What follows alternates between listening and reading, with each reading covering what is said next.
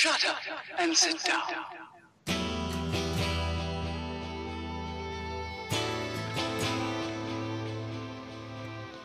Du lytter til Drivhuseffekt, for deg som trenger litt bensin på bålet i livet ditt.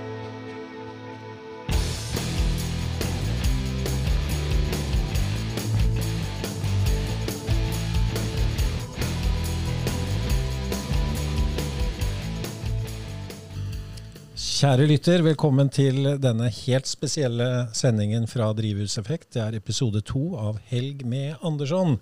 Og i, nå i kveld så har vi klart å samle én, to, tre, fire gjester for første gang i Drivhuseffekt. Og det er da medlemmer fra noe som er bedre kjent som Kompetansegruppen. Vi skal ta en eh, kort presentasjon av medlemmene, og jeg vil bare informere at pga. korona så er disse med eh, på en måte indirekte. Da. Vi har over to meters avstand, ikke sant Herra? Vi har det. Ja. Eh, første gjest, eh, god aften. Vil du eh, stå fram med fullt navn, eller vil du bare hete TP? Ja, pseudonymet TP kan jo være greit, det. Ja. Og så har vi da i en garasje med en Ferrari bak seg, da har vi KJ. God aften, KJ. Hallo, hallo. Og så har vi JGH, som sitter oppe i Valdres. Og god dag, JGH. Hallo. Der har vi. Dette er en eh, helt spesiell sending, og i kveld så er temaet eh, Er det rus, eller er det whisky og øl, Harald? Ja, det er vel eh, Jeg tenkte å snakke litt om, kanskje om øl, og så litt om whisky, og så litt om kanskje litt rusproblematikk. Ja. Og det siste er jo litt mer seriøst tema, så det kan være greit å avrunde med det. Det første er jo mer sånn morsomme. Ja, det er jo egentlig Rusproblematikk kan jo være konsekvensen av Ja, ja. Eh, Det er liksom en kåseri det i, i begynnelsen, da. Men det er selvsagt uh, mulighet for både TP, KJ og JGH å stille spørsmål underveis, hvis det er noe vi lurer på. Ja. Har du, eller har du sett en kjedelig infoskjerm? Inforegi leverer innhold som skaper interesse og gir liv til skjermen. Hva med ukens sitat, grublis, kunstverk, eller kanskje navnedager, merkedager eller historiske hendelser? Vi oppdaterer automatisk, og du kan teste gratis. Inforegi. Innhold over tid. Jesus, drakk Ja. han øl? Han drakk øl, helt klart. Og uh, dette kan vi belyse litt mer. Vi kan ta en liten intro, liksom ølets uh, eh, tilblivelse. Mm, la oss starte hvordan, der. hvordan det oppsto. Og uh, det er mange røverhistorier om eh, hvordan øl har oppstått. Men her er den sanne historien. Og det er så enkelt at alle dyr liker å ruse seg. Det har vist seg, eh, og det viser enda, at kuer spiser eh, kløvergress som gjør at de blir ruset. Bier ruser seg på honningnektar. Andre dyr ruser seg på frukt og grønnsaker som er fermenterte. Og sånn var det med mennesket også. Når vi drev og klatret opp i trærne, så fikk vi sans for fermentert frukt, altså gjæret frukt. Hvis vi spiste gjæret frukt, så får man veldig raskt tilgang på energi. Og eh, mennene de som skulle kjempe om kvinnens gunst, de fikk ekstra krefter som gjorde at de ble større slåss, slåss, slåsskjemper. Og så vet man at kvinner som da også spiser gjæret frukt og blir lettere bedugget, de syns at de var deilige og søte. Eh, Så de mister sånn selvvurderingsevne. Og det gjorde mennene også, som følte at de var mye sterkere og større enn det de egentlig var. Så man eh, spiste fermentert frukt i disse trærne og ble lettere bedugt og godt i humør og, eh, og lettere fulle. Tror du skjønte de at det var derfor de ble fulle, pga. den frukten? Nei, jeg tror ikke de helt skjønte sammenhengen, der, sånn, men de skjønte at eh, frukten ga dem unaturlige krefter. Og så ble de jo litt fulle, og så datt de ned på bakken. Ja. Fordi det er sånt som skjer når man blir full. Og på bakken så var det masse nedfallsfrukt. Og så spiste jeg den frukten på nedfalls, eh, som lå på bakken. Og så fant jeg ut at det var ikke noen grunn til å klatre opp i trærne igjen når det var så mye deilig nedfallsfrukt som lå på bakken der. Og da begynte menneskene å bli eh, hva skal jeg si, gå på to bein. Og eh, begynte å dyrke frukt og korn, som gjorde at de kunne lage da denne fermenterte frukten, fermentert saft og den kraften. Og når de da ble lystige, så kom de sammen i grupper og satt rundt leirbålet. Og begynte å dikte, og de begynte å synge, og de skrålte, og de koste seg. Og sånn oppsto bondesamfunnet. Og sånn kom kulturen. Og så kom kulturen. Og alt dette skyldes ølets virkning, eller rusens virkning. Det er rusen og alkoholen som er drivkraften, eller hva er drivkraften en gang, bak sivilisasjonen. Bak utviklingen, og bak dette med at vi gikk over fra å være eh, dyr til at vi ble mennesker, til at vi gikk fra å være nomader til vi ble jordbruksfolk, og senere til at vi ble jordbruksfolk til industrifolk. Ølet har skylda. Det var en veldig litt annerledes forklaring enn det din far Viktor kanskje ville kan fra. Bibelen og sånne ting, men Ja. det, det henger på greip. Er det noen kommentarer fra panelet her? Dette hørtes ut som en enkel forklaring. Ja, vi, vi finner jo kilder. Eh, Vi har funnet kilder som er 12 000 år gamle, bl.a. i Tyrkia, hvor de finner nå under utgravning leirkrukker med substanser som kan tolkes til at dette har vært en alkoholholdig mat, altså en slags grøt, eller til at dette har vært en slags drikk. Og det liksom, diskusjonen om, om vin eller øl har oppstått først, antageligvis har det oppstått parallelt begge to. Man skjønte at druer og man skjønte at korn kunne bearbeides og bli det det var. Og så har vi en tendens til å tenke på at uh, ting er som det er nå med nåværende teknologi. Men uh, for 8000 år siden så var det å lage et brød ut fra korn, det var eh, en komplisert affære. Først så må du treske det, og så må du male det. Og dette er tungvinte prosesser. Og dette er en prosess som ikke finnes i nomadefolket, men du må være fastboende. altså Du må lage et samfunn for å få til dette. her, For du må sette arbeidskraft som er dedikert til denne jobben. Og da må noen andre ta seg av andre oppgaver som kan støtte opp om at du kan frigjøres til å ta sånne oppgaver. Og det betyr at uh, uh, dette med å male korn og bearbeide korn, det var en komplisert affære. Og dette var antageligvis mye grovere enn det vi har nå. Korn var annerledes. Det var urkorn, det var ikke kultivert korn som vi har nå. Det var vanskeligere å bearbeide og vanskeligere å fordøye. Så man hadde ikke nødvendigvis brød som vi kjenner som brød nå, men det var en slags grøt som de, kan, som de konserverte med oppvarming, så det ble en slags mer flatbrød lignende sak, for at de kunne frakte med seg. Eller så spiste de da den grøten, eller så bearbeidet man grøten slik at det kunne bli flytende, slik at man fikk raskere i seg næring, og så ble dette alkoholfoldige drikker. Så, det, så dette er liksom eh, noen betraktninger man har om hvordan ting ble til. Og vi snakker altså om eh, 12 000 år siden. Ja, vi snakker langt tilbake. Ja. Og dette er ikke noe du bare finner på nå, her, ja? Det er litt jeg finner på, men det er ikke, det er ikke tatt helt ut. Altså, det med trærne og sånn, det, det er jo Ja, Billedliggjøring, og det har vi jo kjent fra, fra Bibelen. Altså Billedliggjøre for at eh, vanlige folk som også skal forstå det. ja. Men hvis man ser på det bibelske perspektivet, og det er litt morsomt da, fordi eh, Bibelen har to oversettelser fra hebraisk til det som er alkoholige drikker. Det ene heter shekar, og det betyr sterk drikk. Og det andre ordet husker jeg ikke, men det betyr vin. Og så viser det at når Jesus gjorde vann til vin, så bruker de ordet sheka på hebraisk. De bruker ikke ordet vin. Slik at antagelig gjorde han ikke vann over til vin. Man gjorde vann over til sterk drikk, altså en øldrikk, mener de. Yes. Slik at eh, det var nok øl som var det de drakk. Og dette kan man forsvare ut ifra litt sånn historiske eh, sosialantropologiske studier, fordi ølet var det som var lettere å lage, og det var det som oppsto i Mesopotamia og disse Østens eh, eh, regionene, som antageligvis Abraham Han kom jo da fra Østen et eller annet sted og vandret over til eh, det som er nå Israel. For 6000 år siden, eller var det 5000 eller 4000, jeg husker ikke. Og han kunne nok ølbryggekunsten.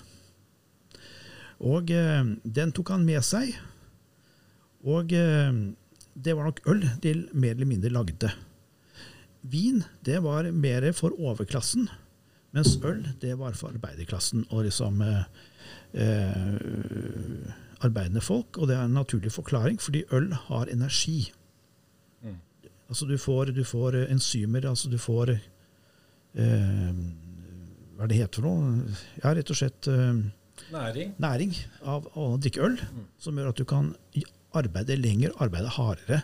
Og det får du ikke nødvendigvis av vin på samme måte.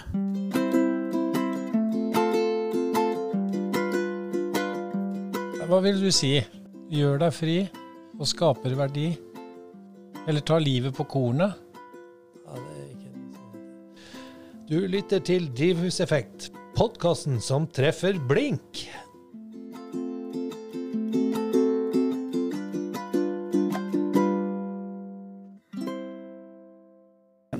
Er, hvis vi da eh, konkluderer med at det var øl som var det utbredte drikken, Ja. hvor kommer da denne vinen fra? Og det er fordi at eh, Romerriket, eh, overklassen der, de begynte å drikke vin. Mens arbeiderklassen og det arbeidende folk, de drakk øl. Så dette var Vin var for vin, finfolket. Og den romerske hva skal jeg si, folkedrikken, det var nok antakeligvis øl. Og da har vi inne på dette med at når du skal på en måte forfine historie, så skal du på en måte kopiere finfolket. Slik at uh, man vurderer rett og slett at den bibelske beskrivelsen at Jesus gjorde vann til vin, er en forfinet utgave for å liksom understryke eller understreke at, uh, at eh, vinen det var for finfolket, og det var, det var større kraft i liksom underet å gjøre vann over til noe fint, som var vin. Og det var ikke samme klangen å gjøre vann over til øl, som var folkedrikken. Yes. Dette er jo ganske eh, voldsomme Ja, dette, påstander. Altså, ja. Så det du mener, er rett og slett at eh, hele, hele, hele den moderne tolkningen av teologien er falsk, Det må skrives om. Så Jesus drakk øl og ikke vin. Ja, Jesus drakk øl og ikke vin. Det er Det er fint. Vi lar den henge. Er det Ja. noe i panelet som har noen kommentarer til dette? Hvis, hvis, Det er godt at eh, på en måte den historien blir litt folkeliggjort. For det kan jo hende at eh, flere kjenner seg igjen og Ja. får mer eh, på en måte sympati med, med den delen. De akademiske kretser vil jo selvfølgelig spørre hvor er kildekritikken, og det får de gjerne få lov til å spørre etter. Men eh, Harald, du nevnte i dette kåseriet ditt dette med at det er mer næring i øl. Ja. Og du og jeg vi har jo reist rundt uh, og holdt ølforedrag. Ja. Som vi snakket om i forrige sending. Mm. Og der var du inne på dette bakgrunnen for navnet til mureren. Ja. Fordi mange tror at det er den flaska, på en måte. Den derre litt store flaska. ja, det var det som etter hvert ble mureren. Ja. Men det begynte jo egentlig med at eh, arbeidere og murerarbeidere var et tungt yrke. Og eh, det begynte vel med at arbeidere de drakk litt mørkt øl eh, for å få næring. Og eh, så rykket eh, da murerlauget ut i sin tid, på begynnelsen av 1900-tallet, tror jeg det var, og anbefalte sine medlemmer å drikke øl. Altså en slags Bayer-lignende øl. Mm. Og eh, da ble det helt Da ble det kalt for mureren. Ja. Det, er, det er bakgrunnen for det. Så det var liksom den tids uh, Red Bull? Ja, det kan du trygt si. Og det ble anbefalt at dette skulle drikke, og det drakk dem. Ja. Uh, mure er en norsk betegnelse, men hvis du går til Danmark, så drakk disse eh, sjauerne, og spesielt også murerarbeiderne, for der har de mye mer murhus og mer murarbeid enn vi har her, de drakk voldsomme mengder med øl Mm. i sitt yrke. Men du, la oss eh, snakke litt mer om eh, øl. Du lytter til Drivhuseffekt. Øl, gutter. Skal vi ta en runde i panelet først nå før vi, la oss snakke litt om dagens øl. Skal vi gjøre det? Kan vi hoppe Ja, ja. eh, 10 000-12 000 år fram i tid? Til vi sitter her rundt bordet. Og da skal vi ta en runde på hva er liksom favorittølet til eh, gutta i kompetansegruppen. Skal vi begynne med JGH? Hva, hva foretrekker du å drikke?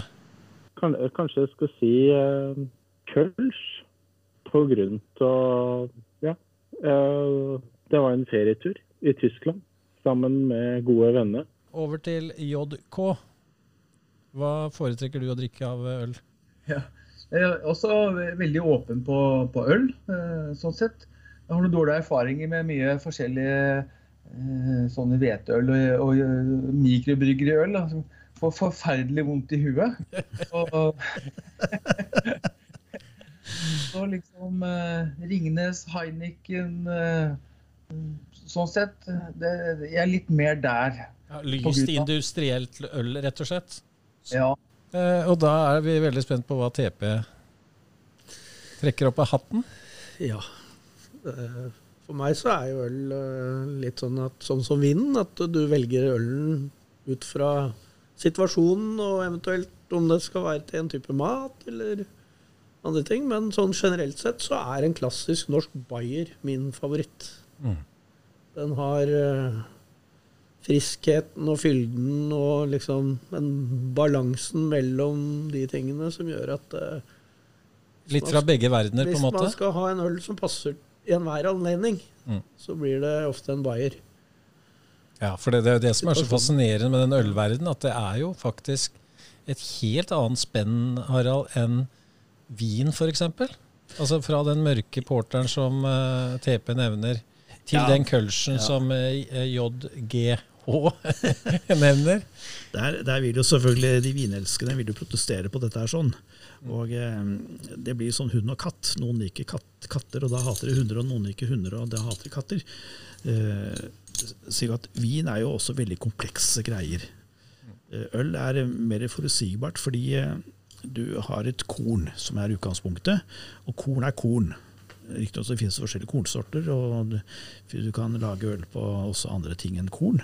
Og så kan du røste kornet på forskjellige måter og få fram forskjellige smaker.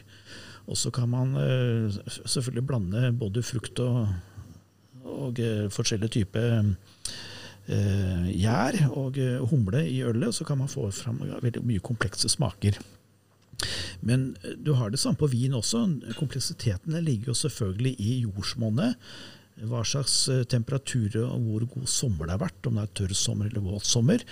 Og hvordan de, La oss holde oss til øl. ja, hvordan du utvikler eh, vinen, at, eller utvikler druene, slik at vin er like kompleks som øl. Ja, og det er, jeg har vært medlem av vinklubb i tolv år, og jeg, jeg klarte jo til slutt ikke å Det er veldig vanskelig å, å, Ja. å kjenne forskjeller og beskrive det. Det er, det er liksom våt truse og, og Ja lær og sjokolade og sigarkasse. Men øl er litt mer for oss enkle folk, da. Altså, du, du kjenner forskjell på en pils og en porter, liksom. Ja, Nå har de begynt å innføre de samme hva skal jeg si, eh, billedspråkene på øl også for å klare å identifisere smaker. Ja. Det er jo for å klare å gjenkjenne smak, og så sier man at dette var en, eh, en smak av eh, gammel lær og en, eh, og, et, eh, og en beltespenne, eller dette var en smak av eh, jord og nøtter osv. Det er for å identifisere smaker. Og de har jo lært av eh, vinfolket her at ja, dette må til for oss å kunne drive med ølsmaking. Og de som da kan dette og har gode smaksorganer, de klarer å skille hva slags gjærtyper som er brukt, og de klarer å skille hva slags humletyper som er brukt, og eventuelt tilsetningsstoffer. Men for oss vanlige folk, da. La oss eh, glemme de trusene og, og lærreimen og det der. Men hva er liksom grunnen og forskjellen på det der med overgjæra og undergjæra øl, Harald? Ja, Kort fortalt så er det jo det, er det gjæringstemperaturen. Og det det er ikke bare at det er gjæringstemperatur, men det er jo også hva slags gjæringstyper man hadde tilgang på. Fordi Europa og Tyskland, som var et av foregangslandene, her, sånn, de, de hadde jo andre typer gjær. Og de gjæren de oppfører seg best eh, kanskje innenfor visse temperaturer. Og så har du et annet klima, og da var det naturlig at dette ble såkalt undergjæret øl, altså pilsner-type. Og så er det en annen grunn, eh, som ikke så veldig mange tenker på. Det var at i Tyskland så hadde de humle. I motsetning til England, som typisk er eh, eksponenten for overgjæret øl. Eh, Men tilbake til det enkle spørsmålet er at eh, overgjæret øl det er eh, gjæret på en høyere temperatur. Og gjæringstiden er raskere og, og kortere. Mens undergjæret øl det er gjæret på lavere temperatur og har lengre lagringstid. Og på et overgjæret øl, som du finner i England og med den verden der, så lagres og gjærer ølet på toppen. Men på undergjæret så skjer gjæringen i bånn av Ja. Og det er grunnen til at alle vi som driver med hjemmebrygging, driver med overgjæret øl, fordi det er mye mer komplisert å ha lav temperatur, da. Ja, da må du ha kjølerom. Altså, du, må ha, du må ha kontroll på temperaturen. Mens et overgjæret øl det kan bare stå i kjelleren, og så kan det gjære med den temperaturen du, har, du får. Men skal du f.eks. lage en pils som hjemmebrygger, så må du ha et kjølekabinett å lagre og gjære ølet i. Så det er dyrere og mer komplisert prosess. Vet du hvor sterkt, hvor sterkt er det mulig å lage et øl? Det er eh, litt forskjellig avhengig av hva slags gjær du bruker. For en, veldig mange gjærtyper de dør når du kommer opp i 12, 14 og 15 prosent. Og da vil det si at de fleste ølsorter de stopper i de områdene der, sånn du får ikke mer ut av det. Men så er det noen gjærsorter som tåler opp mot eh, 18-19 prosent. Og eh, Nøgnø har jo klart å lage noen Dark Horizon og Red Horizon som er oppe i 17,5 prosent. Jøss. Da begynner vi å snakke rødvin. Ja, men det betyr da at da bruker de utvalgte gjærsorter som tåler de høye alkoholprosentene. Så, og en annen, grunn til å, eller en annen mulighet for å få til det, det er at du må meske kornet, som det heter. Du må få ut veldig mye stivelse eller sukker. Ja. Men, men spørsmål. Ja.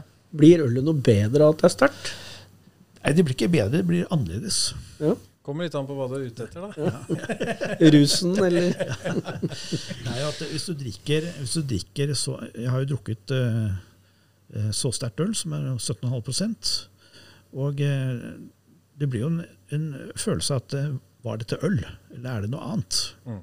Men det må jo sies at veldig mye av ølet som er innenfor 7,- nei, 4,7% det hadde smakt mye fyldigere hvis det hadde fått lov til å være på 5 og 5,2 Altså, det er, det er etter at den, den grensen er litt kunstig, og den er, den er historisk.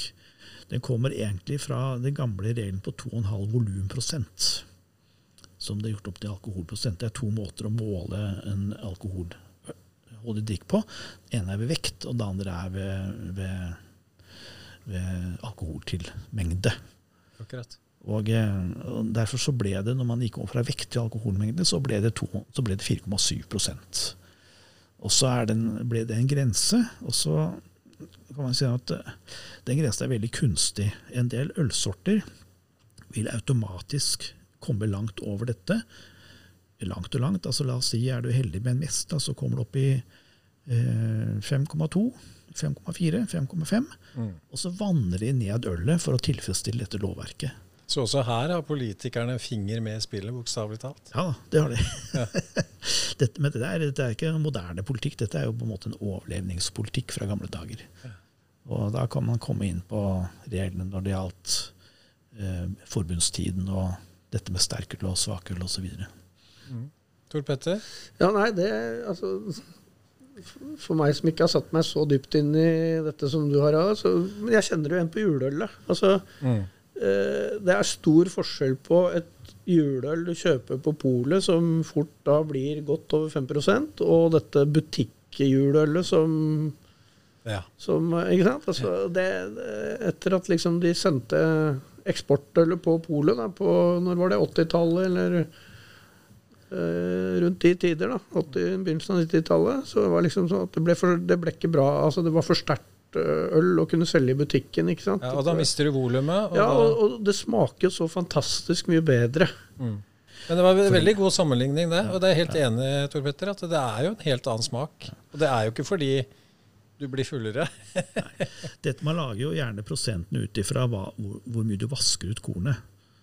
Slik at hvis du skal drage sterkt øl, så har du en annen teknikk for å vaske ut eh, enzymene av kornet. Du sirkulerer vannet, du har mindre vann, du har mer kanskje finkornet malt osv. Mens på da en lettere øl så har du mer vann i det, og du lar det ligge lenger for å få ut mest mulig enzymer uten å tenke på egentlig hva du får ut. Eh, og det, her er vi inne på en slags gammel teknikk, da. Eh, hvor de eh, i gamle dager, hvor de da hadde mer åpne kar, og så hadde de da denne kornmassen, melissen som det heter. Og så eh, hadde de mindre vann, og så tappet de ut vannet eh, for å lage sterkt øl, og så hadde de på nytt vann etterpå. For å differensiere, og da ble det folkeølet eller arbeidsølet. Så dette benyttet de eh, bevisst ved å ha flere tappinger ut av kornet. Akkurat. Så La oss snakke litt mer om de forskjellige øltypene. Dette er en melding til en sporty lytter. Du kan nå snu og gå hjem. Du lytter til Drivhuseffekt, en podkast det absolutt er verdt å høre på. Vi har vært innom den Kølschen eller Gølschen eller, eller hva det het. Men uh, er det riktig å si at uh, hvis vi skal lage et enkelt folkelig spenn her, så går det fra pils til stout? ja, det, hvis vi skal lage en enkel inndeling, så er det sånn pilsner. Det er, eh, det er definisjonen på såkalt undergjæret øl, og at de har de, de bygget gjerne på, på bygg. Og så er det tilsetninger av malt. Av humle, mener jeg. Av humle. Et lyst øl. Det har blitt lyst øl. Ja. Men så kan du lage det ølet mørkt med å brenne eller røste kornet kraftigere. Slik at du får en sterkere sånn maltsmak, og så blir det mørkt. Tor Petter? Jeg bare tenker på begrepet lagerøl, som brukes i store deler av verden, det òg. Ja, det Det blir vel en pils? -type. det er en pilsner-type, ja. ja. Så lager er det samme som pils? ja. Det er ikke nødvendigvis, for nå jukser man så mye, men i utgangspunktet var det veldig at det var lagerøl. Mm. Altså det var lager som i Lager som at det er lagret lenger. Akkurat. Ja. Der, ja. Så, og pilsen var lagret lenger, tre uker f.eks.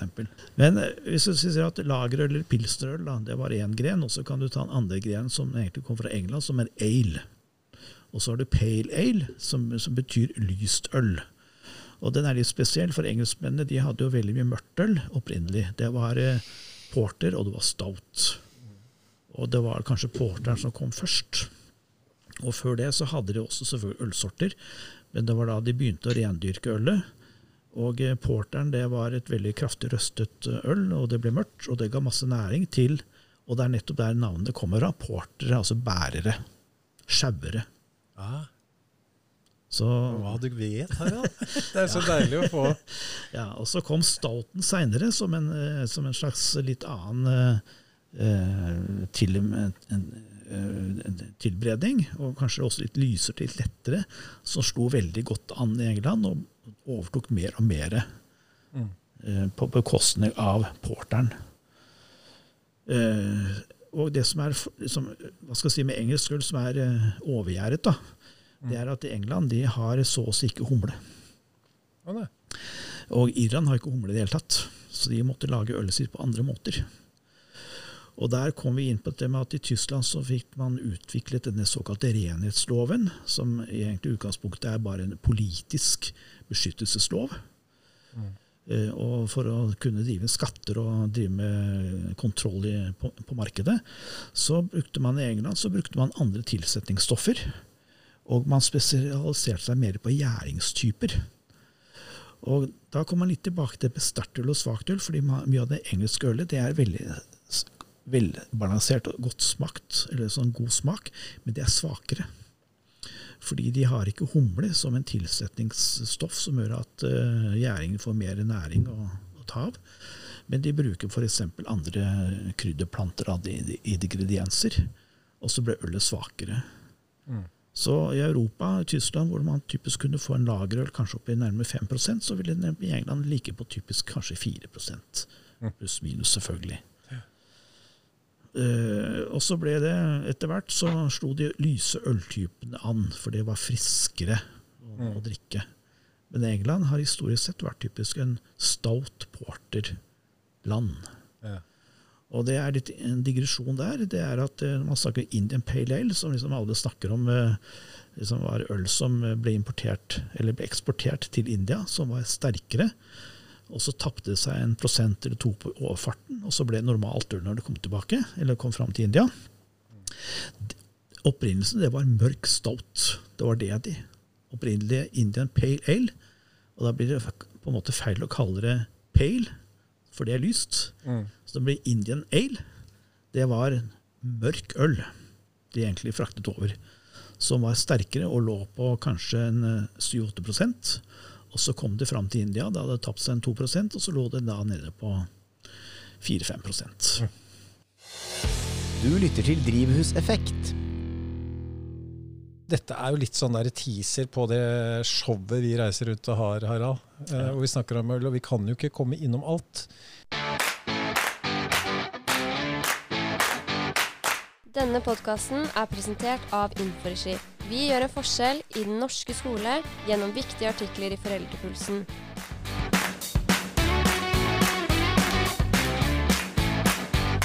Visste du at Inforegi gir liv til infoskjermer hos grunnskoler og videregående skoler i hele landet gjennom målrettede oppslag. Du velger tema, vi oppdaterer automatisk. Og hvis du trenger hjelp til podkast, så kan vi hjelpe deg med det også.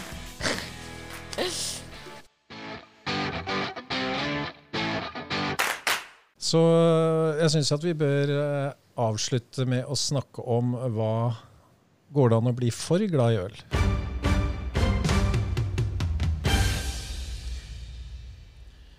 Det er, Har, har du noen tanker klart- rundt det? Ja, det er helt klart at man kan bli for glad i øl. Og jeg føler kanskje at det, man kan komme i faresonen, og jeg er vel kanskje en som er i faresonen. Fordi, Hva mener du med det? Faresonen? ja, fordi man er glad i øl, og så kommer kvelden, så er det godt å liksom ta seg et glass øl. Mm. Så tar man kanskje en spesialøl, og så er det en spesialøl kanskje på 5,5 eller 5,2 Og så plutselig så opplevde jeg nå i siste at eh, det var veldig godt kanskje å ta en liten øl til. Så plutselig blir to øler per kveld. Og så er jo spørsmålet hva hvis det nå plutselig blir veldig behagelig å ta en tredje øl, for det var så veldig godt. Tenker du på dette litt som alkoholisme og Ja, tenker liksom at uh, hvor går grense, faregrensene liksom for å få en form for alkoholisme? Mm. Og så er det veldig stigmatiserende, fordi man tror liksom alkoholisme, da drikker man seg full, og så slår man eh, kone og barn, og så er man aggressiv, og så veiver man rundt eh, og rølper. Men det er denne findrikkingen mm.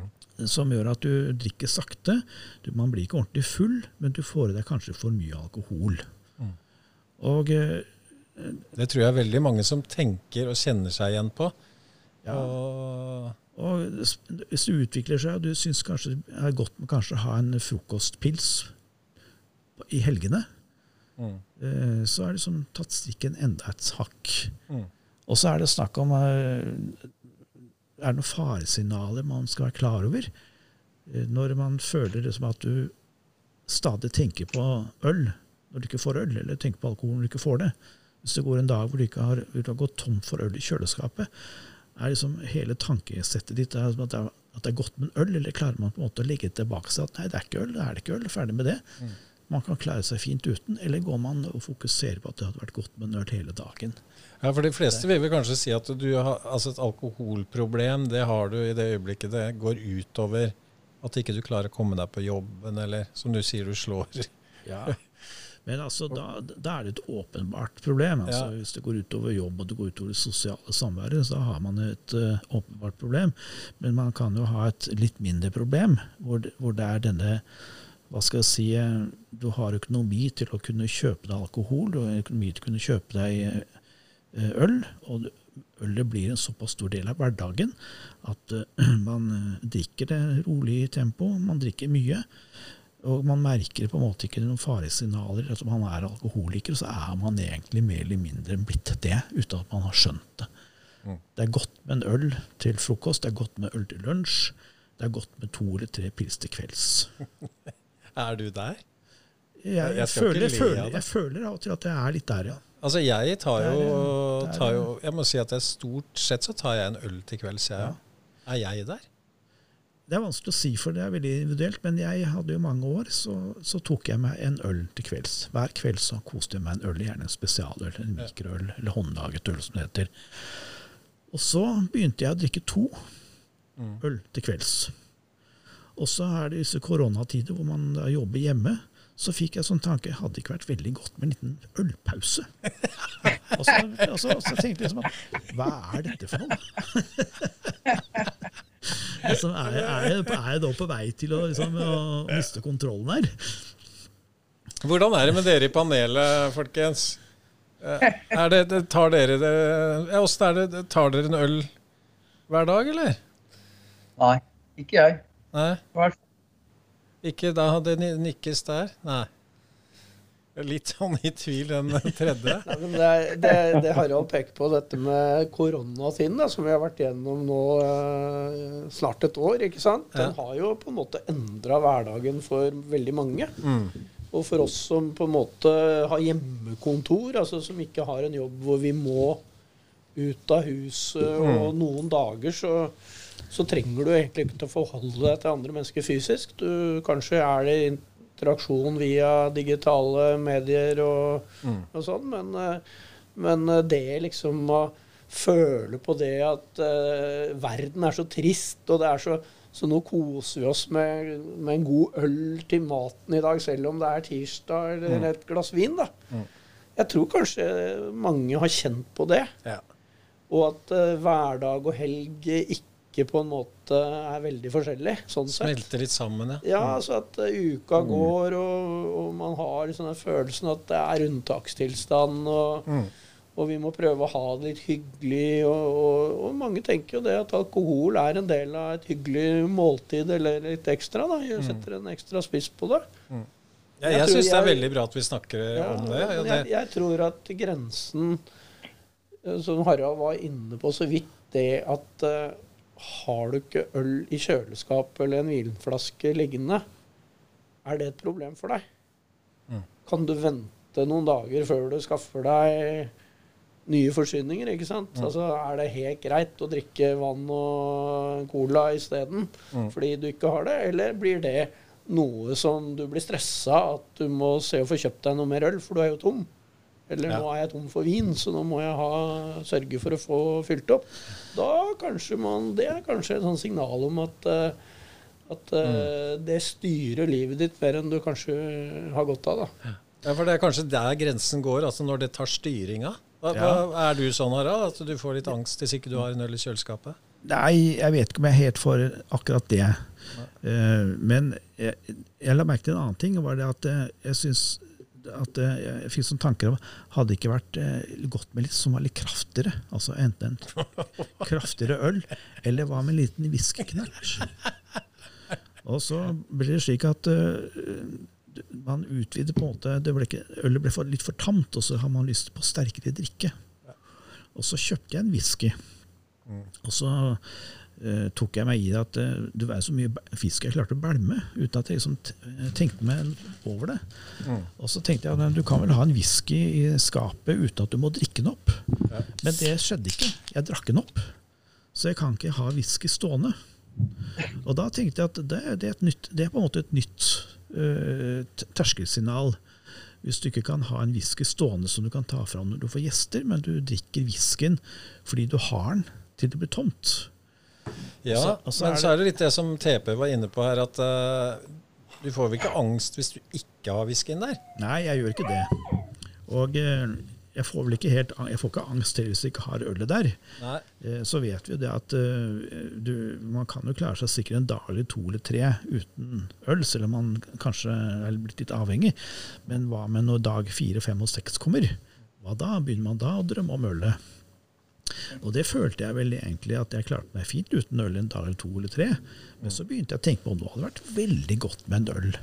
Og så går jeg i butikken, og så kjøper jeg sixpack, og så drikker jeg da nærmest som en kompensasjon litt mer øl akkurat sånn med en gang. Jeg syns det er så fint å høre en som snakker om det her. Det er derfor jeg ler. Jeg synes det er... ja. Og så, så, så jeg, jeg vet Jeg kan ikke svare på om jeg er alkoholiker, men hvis jeg f.eks. er det, så er jeg en veldig sånn eh, kultivert alkoholiker som har eh, Som drikker sakte, som aldri blir full, men som får dekket kanskje behovet med denne sosiale eh, smådrikkingen.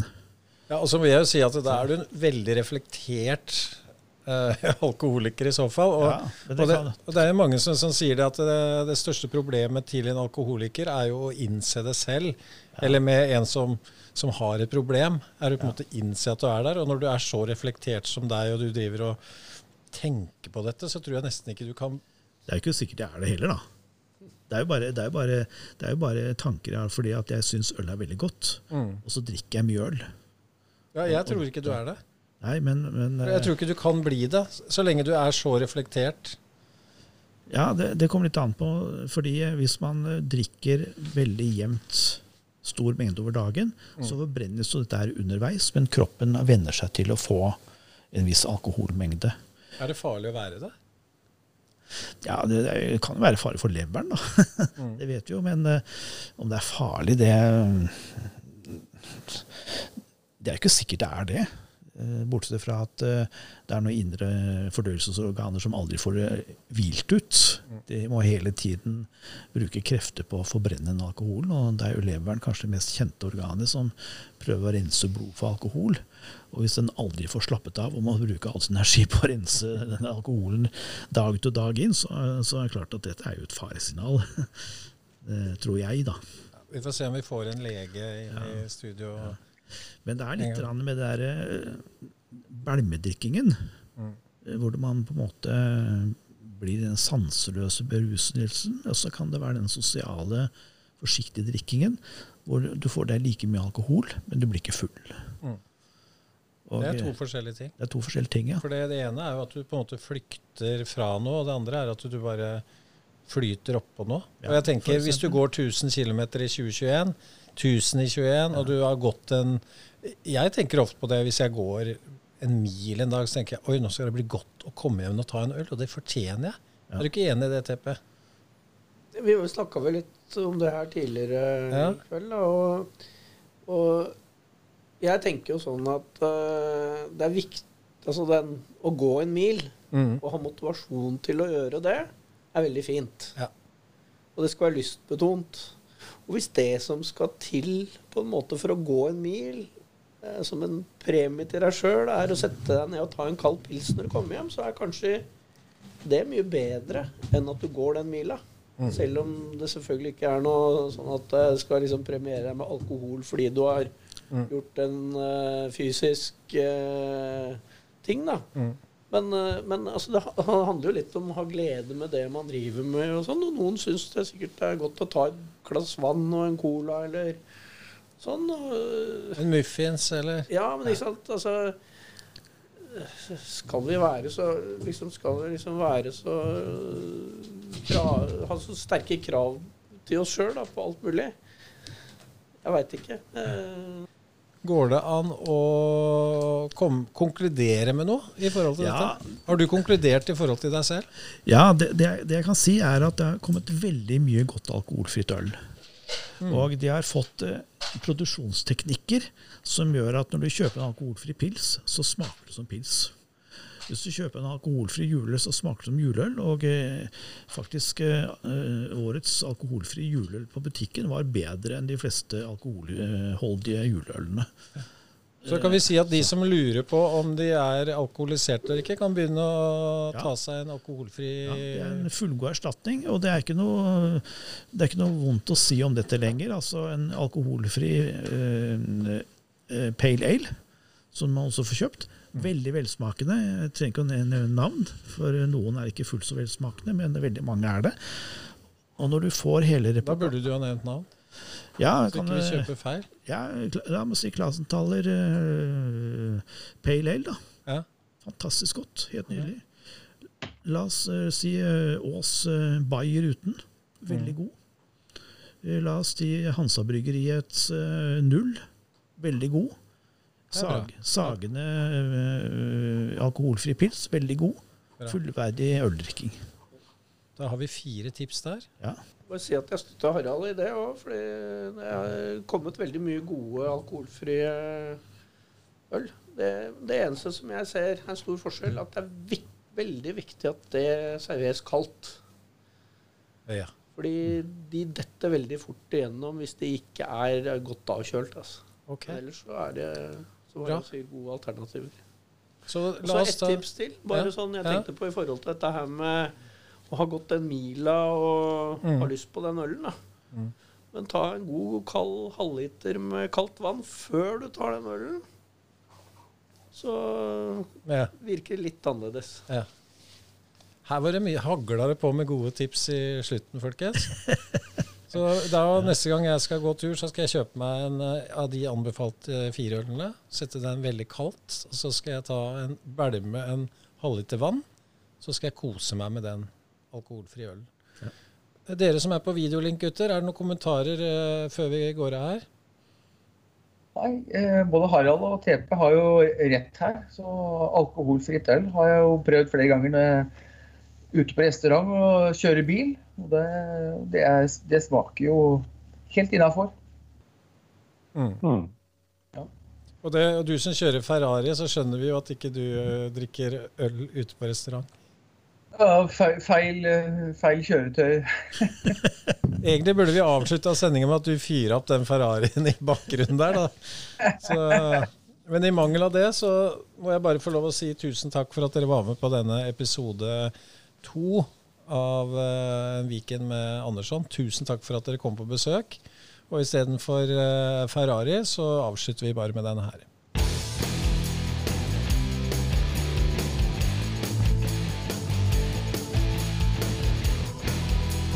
Drivhuseffekt. For deg som trenger litt bensin på bålet i livet ditt.